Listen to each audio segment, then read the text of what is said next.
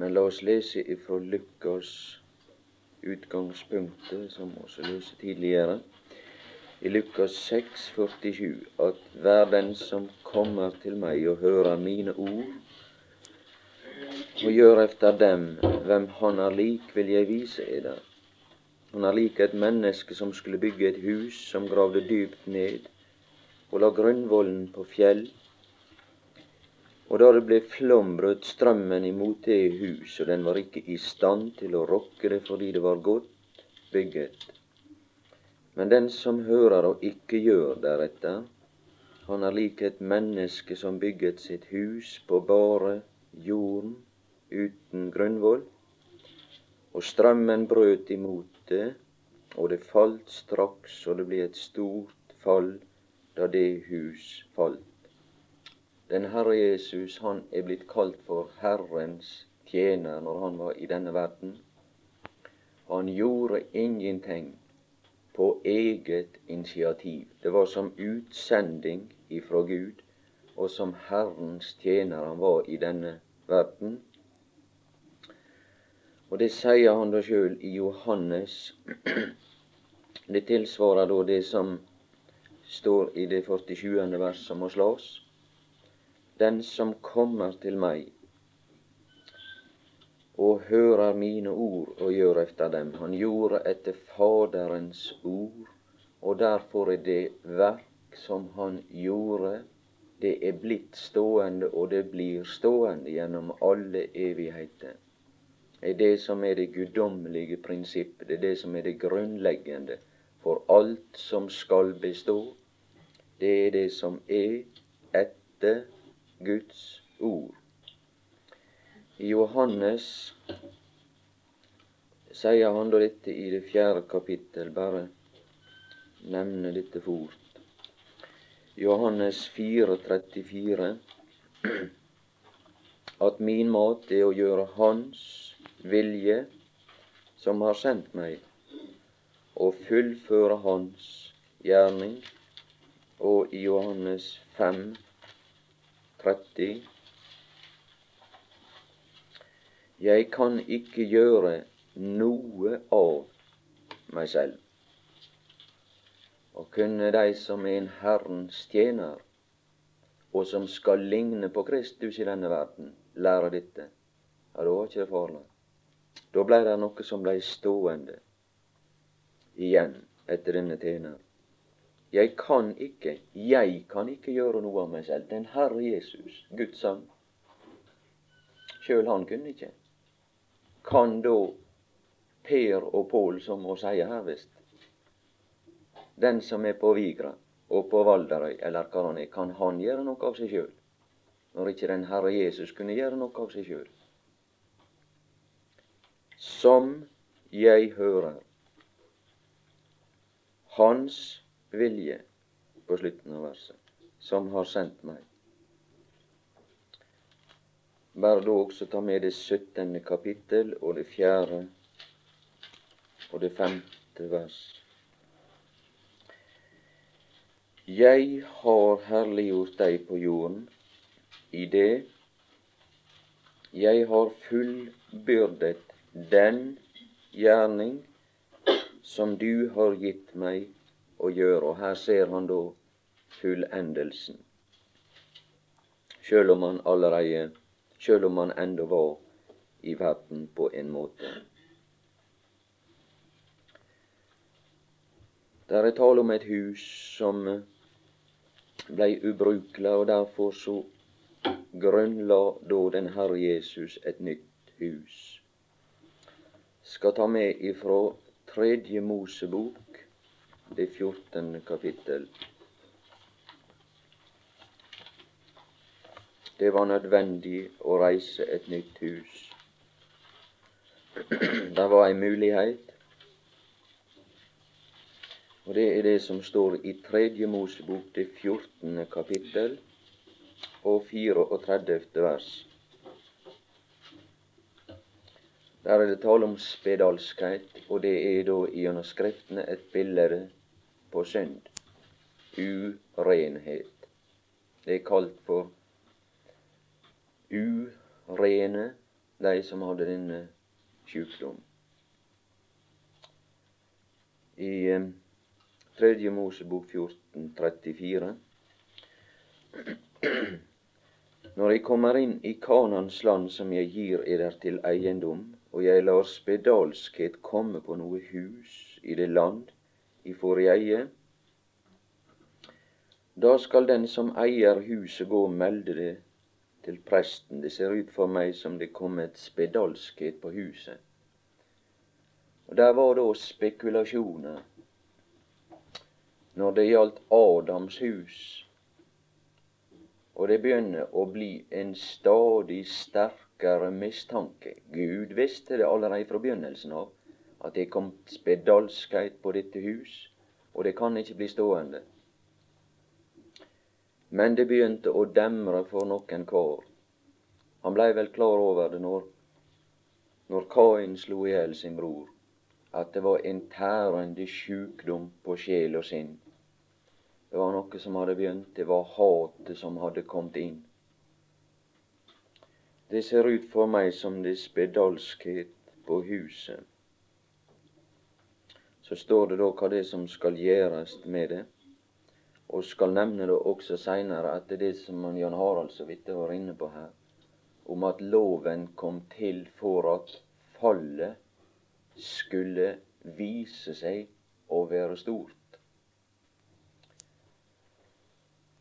At det var et stort fall, men det var der allerede fra begynnelsen av. Men det blei åpenbart at det var spedalskhet på huset. så står det da en beskrivelse utover denne forordning. Det står det for eksempel kan ta med i det 41. vers. Deretter skal huset skrapes innvendig rundt omkring, og det støv som er skrapet av, skal kastes utenfor byen på et urent sted. Det blei prøvd på alle måter om denne skade kunne begrenses på sett og vis. Men bare for å gjøre ei lang historie kort. Det som var tilfellet med Adams hus, det er det som står i det 44. vers. Det blei absolutt nødvendig med et nytt hus, for det at det var ondartet spedalskhet på huset. Og Da var det ingenting å gjøre med det. Det var det som det står. Og da skal de rive huset ned. Både stener og treverk, alt lære, føre det utenfor byen til et urent sted. Hele huset som ubrukelig. Ikke til å bo i. Men da skal oss komme litt inn på denne tanke at der var en ny den andre Adam, den, den siste Adam, som bygde et hus. Og så sier han, bryt dette tempel ned, bryt dette hus ned, så skal jeg bygge det opp igjen. Men dette Adams hus, det falt for å bli liggende, for det var bygget på jorden, slik som det står i der som må skjenge ut ifra, på bare jorden. Og så reiste han opp et hus som blei stående på fjell, på den gamle urtidsklippe, den eldgamle Gud. Det som var solid bygget, og så var det bygd av et reint materiale, og det var bygd etter Guds ord, og derfor blir det råd å bo godt gjennom alle evigheter å være i dette hus. Men mennesket er uforbederlig. I Esekiel er det en beskrivelse. Og det er så mange som er så god tru på dette hus og skal ordne på det for å få det til. Men i Esekiel det 13. kapittel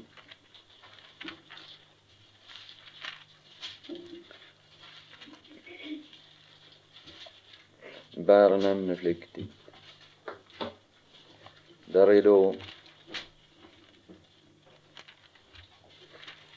ei rekke et helt kapittel der. Men det er tale om noe som heter for kalkstrykere. Hvis han stryker utapå, så kan det sjå bra ut til ei tid, men det er ingen varig hjelp.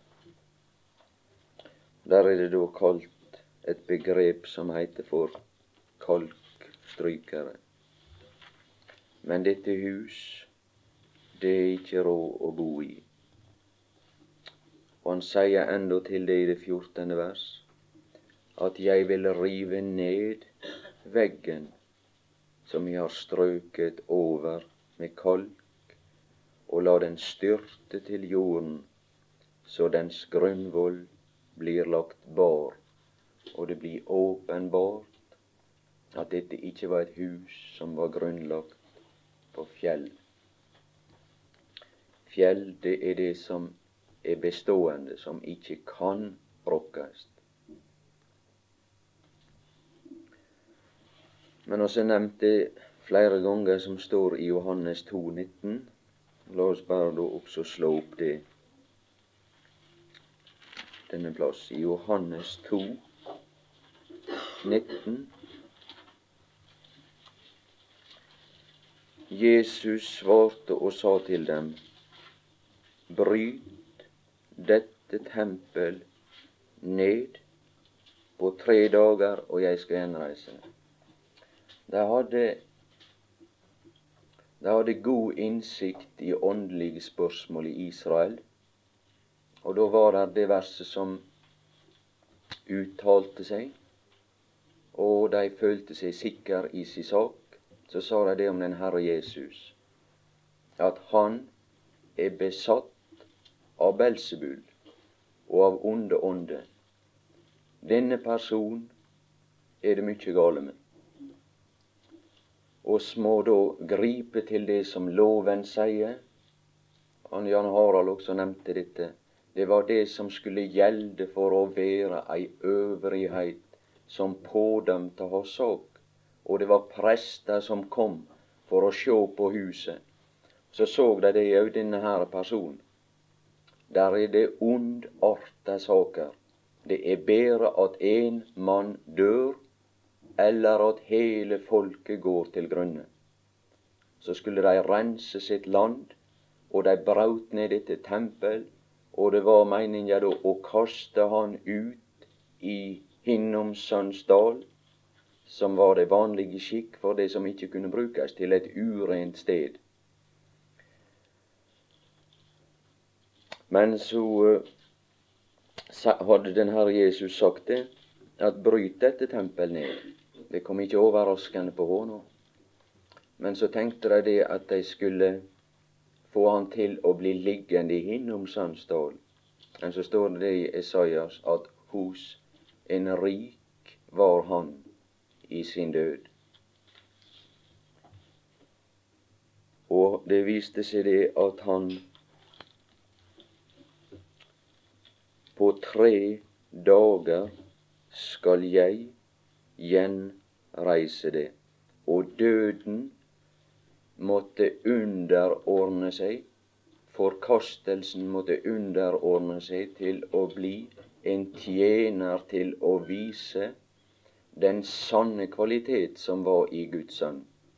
Han satte sitt liv til, men så var han av en slik kvalitet at han tok det igjen, og han gjenreiste dette tempel. Og det nye tempel det blei et herligere tempel enn det som før hadde vært. Og når de så han igjen, så sier de det iallfall en sanger, men det er også sannheten. Jeg levende så ham i haven, men aldri så skjønn jeg ham så. Det nye tempel blei herligere. Og det som skjedde, det var at han døde på et kors, og han blei gravlagt og han sto opp igjen. Og han tok med slekta i sin død, og gjennom døden så oppreiste han ei ny slekt for å kunne bli det som han ikke hadde vært før.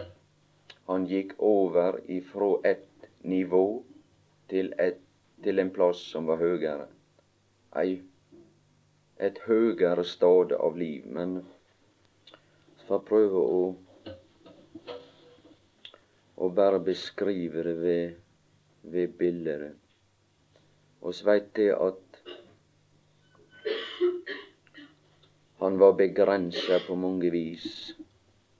Han sammeleis som oss. Det står det at han var trett av reisen når han vandra gjennom denne verden. Men så fikk han da et åndelig legeme som ikke var bundet av stoff eller materie. Han kunne flytte seg etter slik som han ville, og han kom inn igjennom ei lukka dør til sine disipler.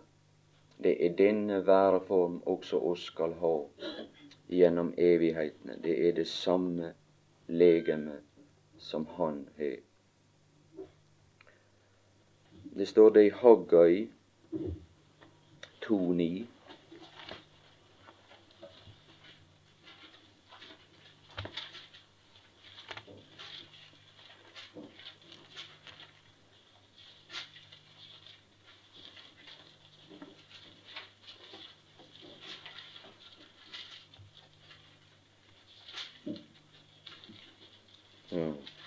Det siste hus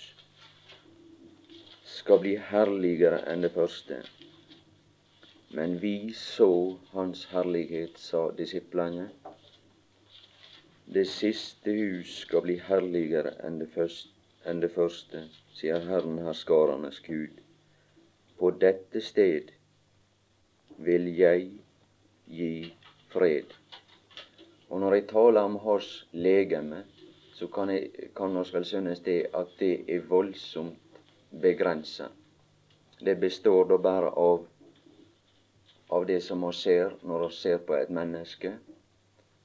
Men la oss der være oppmerksom på at det slik som han er, slik skal alt gjenskapes i Sønnens bilde.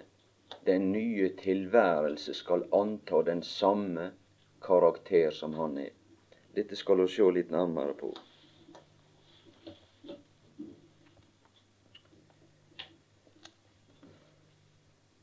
Tror vi skal kanskje bare Det står om Salomo at han ble en mektig konge, og han blei i stand til å bygge et hus ja, jeg veit ikke om vi skal gå inn på dette. Det er da omtalt i andre krønikebok. Ja, vi får sjå litt der. I andre krønikebok en, en, Der står det dette uttrykket at Salomo, Davids sønn, ble en mektig konge.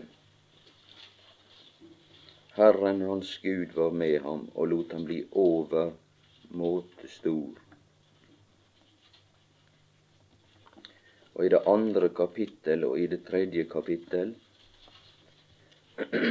er det da beskrivelse av det tempel som han gjorde.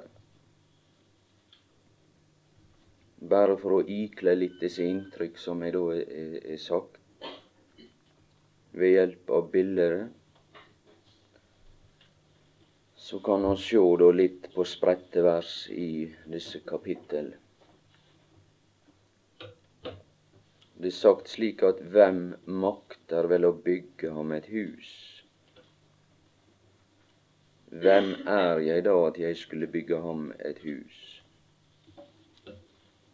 Så sier han det send meg nu en mann i andre krønike 2,7 som er kyndig i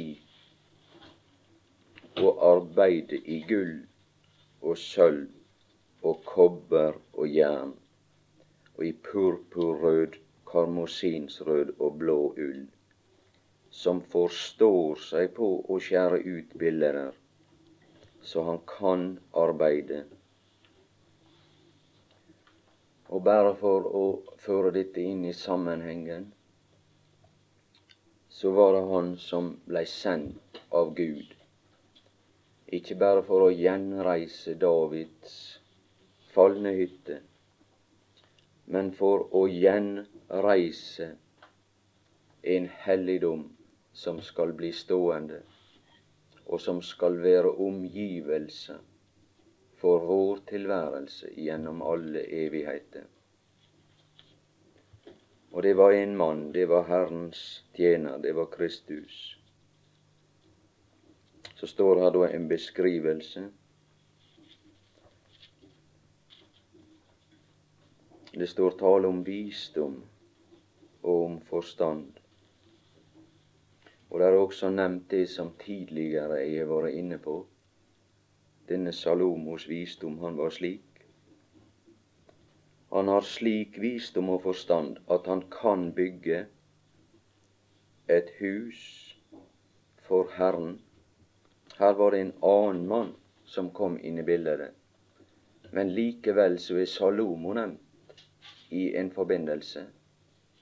Og så veit jeg at Gud han nevnte Israels folk og karakteriserte dem som bygningsmenn. Dere bygningsmenn. Og oss skal som en Salomo, hver og en som er både konge og prest i den nye pakt, få være med på å bygge Herrens hus. På én måte så er oss med på det. Som kan bygge et hus for Herren og sameleis så kan oss bygge et hus for oss sjøle som oss skal bo i i evigheten. Et hus for seg selv til kongebolig. For Guds sønn, han er bildet i alle ting. Slik at oss bygger etter det bildet, oss bygger etter de samme prinsipp som han bygde. Men det som var bakgrunnen, her var det et land langt borte. Det var kongen i Tyrus, Huram.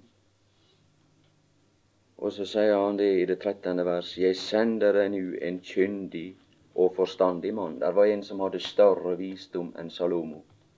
Så han sendte bud til et land langt borte for en som skulle bygge Herrens hus. Og samtidig så sender han det svar tilbake at Salomo, David er en sønn, det var Salomo som kan bygge et hus for Herren og et hus for seg selv til kongebolig. Men beskrivelse av denne som kom, det er den mann som er mellommann for han som var i et fjernt land, og som var langt borte. Det er han som ingen kjente, det var Faderen. Men det var Sønnen som gjorde han kjent og åpenbarte Faderens bilde i denne verden. Jeg sender den jo en kyndig og forstandig mann, Huram, en mester i min tjeneste.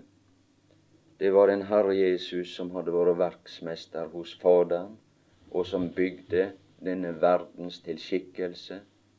Og det som vi ser, sol og stjerne, univers og det alt. Og det var han som måtte rykke ut igjen for å gjenreise det falne hus som var gjennomsyra av ondarta spedalskhet. Og så gjorde han den nye tilskikkelse til en bedre plass enn den første.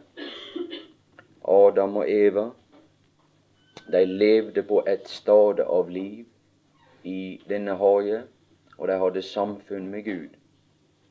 Men dette hus falt, og så sier han det vel, da skal jeg bygge et bedre hus. Og derfor så vil han løfte oss opp på et annet plan, og så taler han om de nye himler og den nye jord hvor rettferdighet bor. Og så flytter han oss inn der, i denne tilværelse. Og det var den Herre Jesus som kunne forstå seg på å arbeide i gull og sølv og kobber, og dette bare da vitnesbyrd om den guddommelige herlighet, skjære ut alle slags bilder, uttenke alle slags kunstverker. Det er gjerne en utsmykningskomité når et offentlig bygg skal røyses, som skal sørge for at det blir de rette bildene på vegger, og de rette miljøskapende faktorer blir tatt inn, slik at det kan bli trivsel og godt å være i dette hus. Og den arkitekt sørger for at huset skal fungere etter sin hensikt. Det kreves kyndighet. Kyndige menn. Så skal vi nu hugge så mange trær på Libanon som du har bruk for, og sende dem i flåter på havet til Joppe, så kan du selv hente den, dem opp til Jerusalem. Der er Gud sendt ut et materiale, slik at også oss skal få være med og oppføre vår egen kongebolig, og være med i arbeidet på Guds hus for det er nemlig slik at oss individuelt skal være som en stein eller en sederplanke i Guds hus og bli lagt på plass, og som ei enhet danne alt som skal bli i Sønnens bilde. Og på det personlige plan så skal dette skal oss sjøle romme Guds herlighet, bli også i opp bygget. Og i gamle dager ble det talt om oppbyggelsesmøte. Det er byggende arbeid. Det som NRK for en stor del driver, og det som blir drevet av denne verdens herre og de som er innflytelse, det er å rive ned alt. Oss er med på å bygge opp det som har verdier. Og de river ned. Og derfor gjenger denne verdens tilskikkelse i forråtnelse. Og de nærer denne spedalskhet og ser det at prosessen gjenger stadig forere og forere. Og det eneste som gjør at Gud holder oppe styrelsen av denne verden på et vis, det er på grunn av at hos hellige fremdeles bor her. Og når de blir rykte bort, og han henter alt gull og sølv og sedertre og det som er av verdi, ut av denne verden, så vil denne verden falle sammen som ei råtten hytte som er rønne, og sekke sammen. Det er det som skal skje. Og det vil bli den store trengsel når huset faller sammen over de som er der. Stakkars den som ikke flytta inn og funnet en annen bolig der det er godt å være. Det hus som er bygd på fjell, og som skal bli stående. Det hus som har de faste grunnvoller det som Kristus har gjort.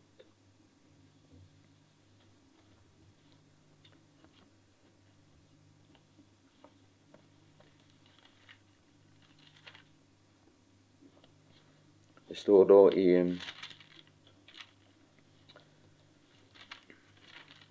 i andre krøniker der som oss var, også beskrevet i det tredje kapittel, men det kan oss bare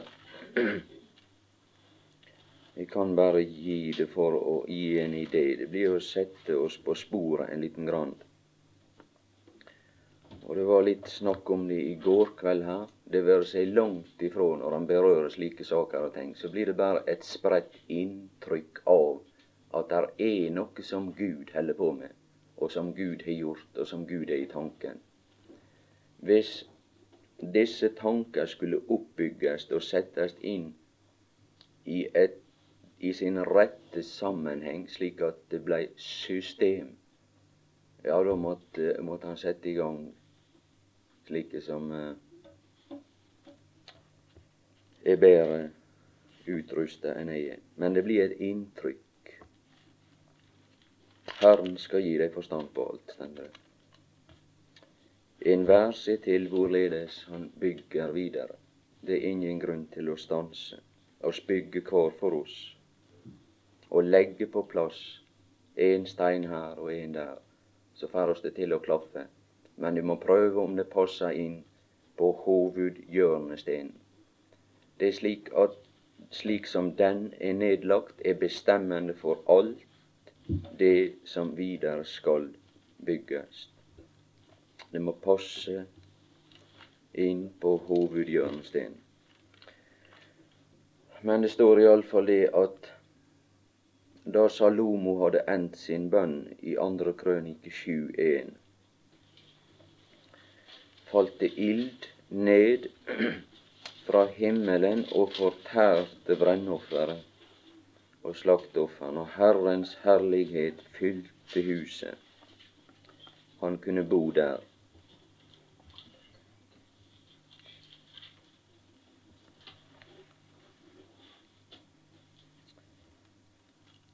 I Isaias 58 er det tale om de som er en stakkar, som oss burde være med på litt og føre i hus.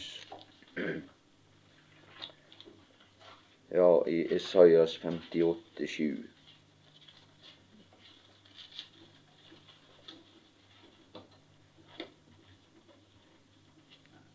En hjemløs stakkar kan komme i hus. I Esaias 58, 7. Du bryter ditt brød til den som sulter, og lar en hjemløs stakkar komme i hus. Når du ser en naken, at du kler ham. Det er for å kunne flytte inn i dette hus.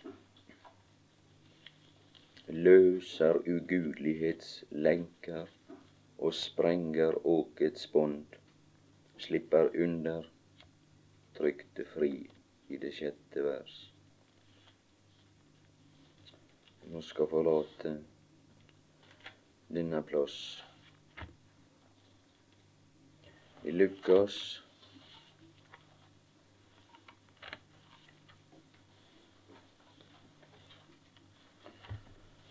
Der står det det at han gravde dypt ned og la grunnvollen på fjell. Og det som det betyr, det var at han fjerna alt som var imellom. Og dessuten så fjerna han den forrige det forbigående prinsipp, det hus som var bygd på jorda. Det jordiske. Det står om den jordiskes bilde. Den første Adam. Han gravde dypt ned, og så sette han ingenting imellom. Så tok han sin plass imellom Gud og menneske for at ikke flere fall skulle kunne finne sted, på grunn av at alt blei grunnlagt i forbindelse med hans egen person. Og dermed beviser han at han er den eneste som er til å lite på som grunnlegger for et hus, den Herre Jesus. Og så grunnla han dette nye hus på fjell, og ingenting imellom anna enn han sjøl. Når oss tenker oss ei klippe, så ligger der en grunnvoll der. Alt er fjerna imellom. Alt. Alle muligheter for bevegelse. Og alt som er ureint, alt som er omskiftende, det kan være jord og slam og sand og det som er løst. Det som kan svikte og forandres. Det må ikke synke, det må bli stående. Og derfor skal stilen bli bevart, og måla skal være de samme. Det skal ha de rette mål. Jeg ser det i oss, i det hus som er vokst opp. Så er det med år og dag blitt skeivheter, Slik at ei dør, eksempel, den henger oppe på grunn av at det er svikt i grunnvollen, og så er det skeivt. Gulvet, de kan holde litt slik og litt sånn. Men hvis det er det hus som er bygd på en fast grunnvoll, det vil bevare sin verdi for alltid. Når det attpåtil er bygd av materiale som er bestående, slik som det er i dette Guds hus. Derfor så vil det ha de samme mål. Og det står også tale om at oss kan få bruke ei målesnor og måle det som blir bygd, for å lodde opp og sjå om det har den rette verdi. Du bruker gjerne ei snor med et lodd, og så holder du opp. Det er det samme som en vater. Er dette i orden? Da ser du. Står dette på grunnvollen? Nei, her er ei skeivhet. Det er ikke bygd på Kristus. Slik er det alltid. Nei, det som er kroket Han nevnte det han Ole Inge. Her er det som er rett, og som blir stående rett. Her er det som ikke er avvik på noe vis. For Kristus er gått imellom Gud og menneske og er grunnlagt det nye hus på fjell.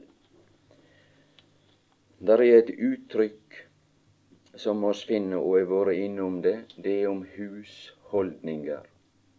Gud måtte slå opp et hus til vern i de forskjellige husholdninger, men det eneste som han hadde i tanke, det var det som han skulle gjøre i Kristus. Og det er bare et vitnesbyrd om Kristus. Både tabernaklet og de forskjellige tempel. De var nok fint nødt til det, de som skulle slå opp dette tabernakel at når de plasserte disse soklene, så måtte de sette det på sand. De hadde ikke kontakt med den evige klippet i og for seg. Derfor så blei det stående på, på ørkensanden. Og dette, dette tabernakel, det forsvant. Men han så stedet langt borte, står det om Abraham og Isak når de gikk ut. Han så stedet langt borte. Det var det sted som også David så når han så Ornans treskeplass. Og det står det at de førte ham ut til et sted som kalles Hodeskallestedet.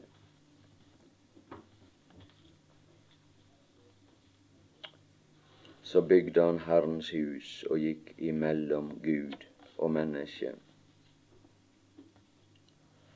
Bare for enda å presisere Ja, det er snart tid å slutte. Andre Mosebok 26, 30.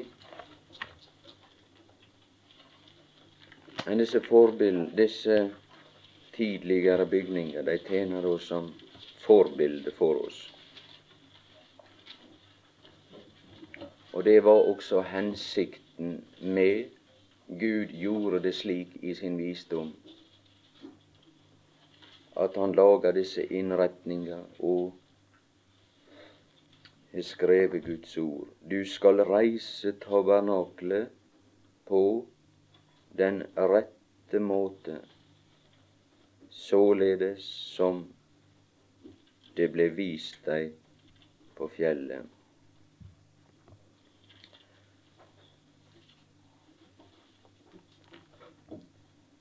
Matteus 22.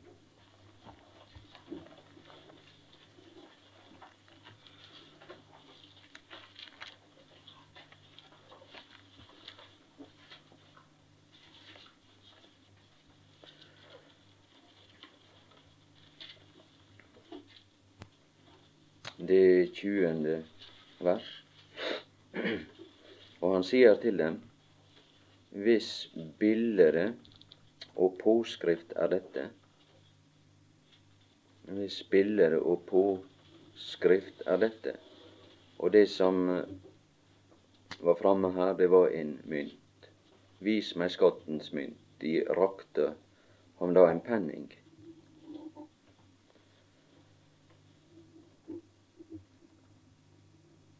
Og i det 21. vers de sier til ham keiserens. Det var hos bildet. Ja, det var nå en ynkelig figur, han keiseren, keiseren i Rom. Det var et vrengebilde av øvrighet. Men det er en som er, er den sanne øverste. Da sier han til dem, gi da keiseren hva keiserens er, og Gud hva Guds er. Hvis bildet og påskrift er dette i første krønikebok 21, 22.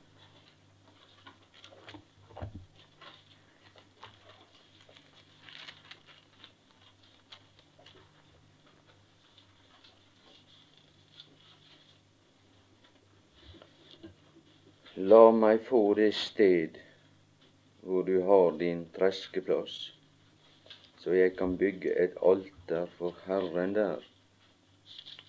La meg få det for dets fulle pris. Gi keiseren hva keiserens er, og Gud hva Guds er. Der var en som hadde Guds bilde, en mynt en verdimåler som hadde prega Faderens bilde i seg. Det var han som ble gitt til løsepenger. Det var han som også hadde dette bildet. Du får gjøre alt etter det bildet som jeg skal vise deg. Og det var han som hadde den rette skikkelse, og det var han som hadde den rette verdi. Og utgangspunktet for det byggearbeid som David her gjorde, det var det som oss la oss der.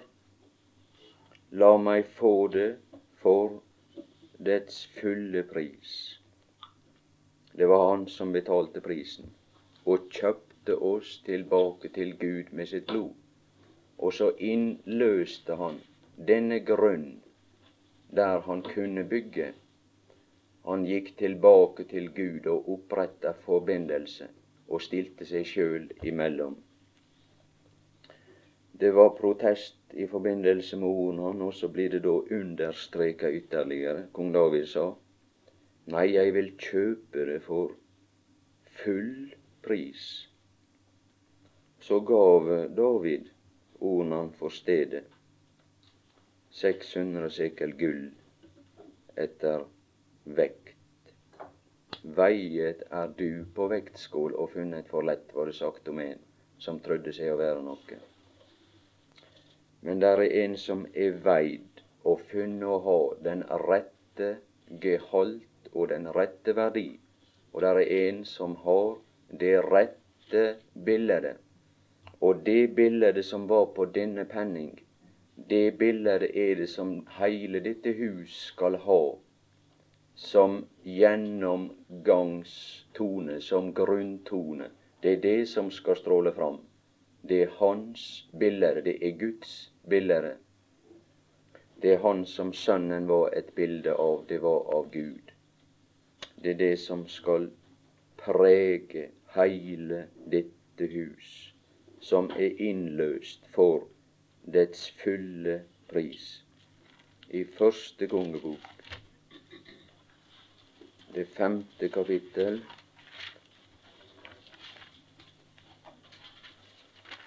Og det fjerde og det femte vers.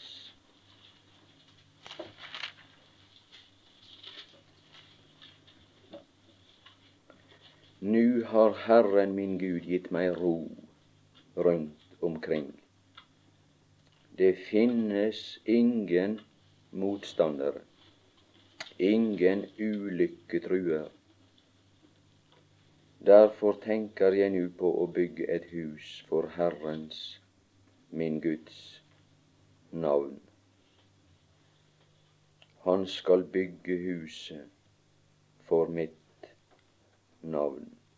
Det er et hus som er ro, der ingen fare truer.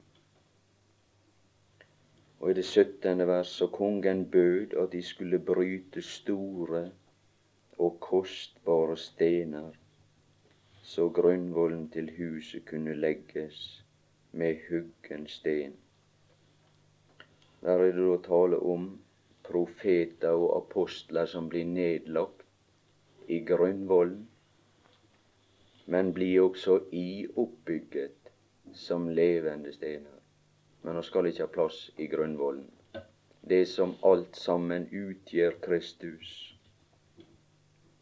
Så var det noen store og kostbare stener, og hva var det? Det var han Peter, han Johannes. Det var disse apostlene. Det er de som må settes så høyt. Og de, de er våre eneste lærere. Det er bare de oss bruker. Og det er de oss setter pris på. Det er de oss bygger på. Det er det som Skriftene er. Det er Guds ord.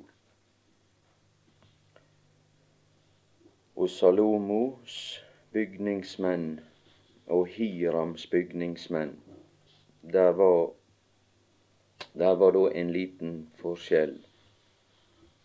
Hugg dem til, gjorde i stand både stokken og stenene som huset skulle bygges av.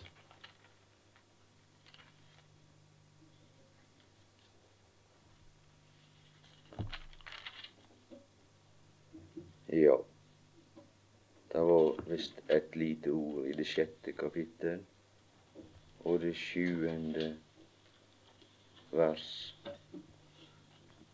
Får bare ta med det til slutt. En er ikke det noe å rette på i Guds ord, slik at vi skal kunne pynte på det ene og det andre og gjøre det litt bedre enn det som er sagt på disse steinene her.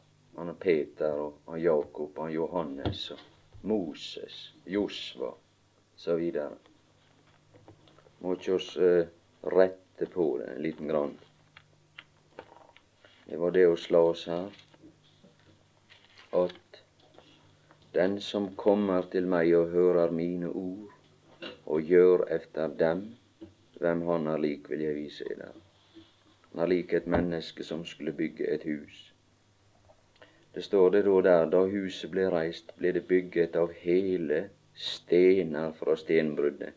Her er hele steiner her fra stenbruddet.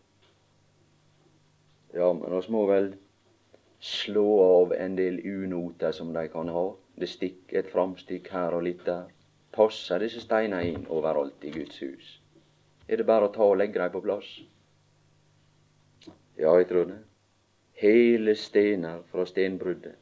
En hørte verken hammer eller øks eller noe slags jernredskap i huset da det ble bygget. Er ikke det fint? Få steiner, ferdig tillaga, lagt her så kan vi bruke det og gjøre efter Guds ord. Inga forandring. De ligger godt på plass. Finn tak i en stein og få en åpenbarelse av Gud. Skal du finne det, her er ikke ei eneste glipe. Alt passer inn slik som det skal være. Nei, der slipper oss å gjøre forandring. Det er gitt oss det som vi skal bygge av, og det som vi skal bygge på. Jeg tok ikke med noen vers som jeg også hadde om grunnvollen. Det står tale om en fremmed grunnvoll i I Romerbrevet 1520 også er det omtalt grunnvollen i første Korinterbrev 3.11, Efeserbrevet 2.20 og andre Timotius 2.19. Så det er tale om en fremmed grunnvoll i Romerne 1520. Men det får oss bare være. Og spe om velsignelse her for neste time og det som han Jan Harald skal være med å si. Og gi den nåde som han behøver, og oss den nåde som oss behøver, for å kunne take imot. Det kunne bli oss til del å take imot det som du gitt oss å bygge med disse heile steiner, de som er så vidunderlig et byggemateriale. Være med på å bygge Herrens hus som frelse er det ferdig til å flytte inn. En bolig er den eldgamle Gud på den måte. Likevel så er det noe som skal framvises. Han skal vise seg underfull i alle troende. For du skal herliggjøres i det som du har fått ut av frelste syndere også. Og det vil bli noe ære som blir forbundet med vår person, etter slik som oss tok vare på ditt ord i denne verden.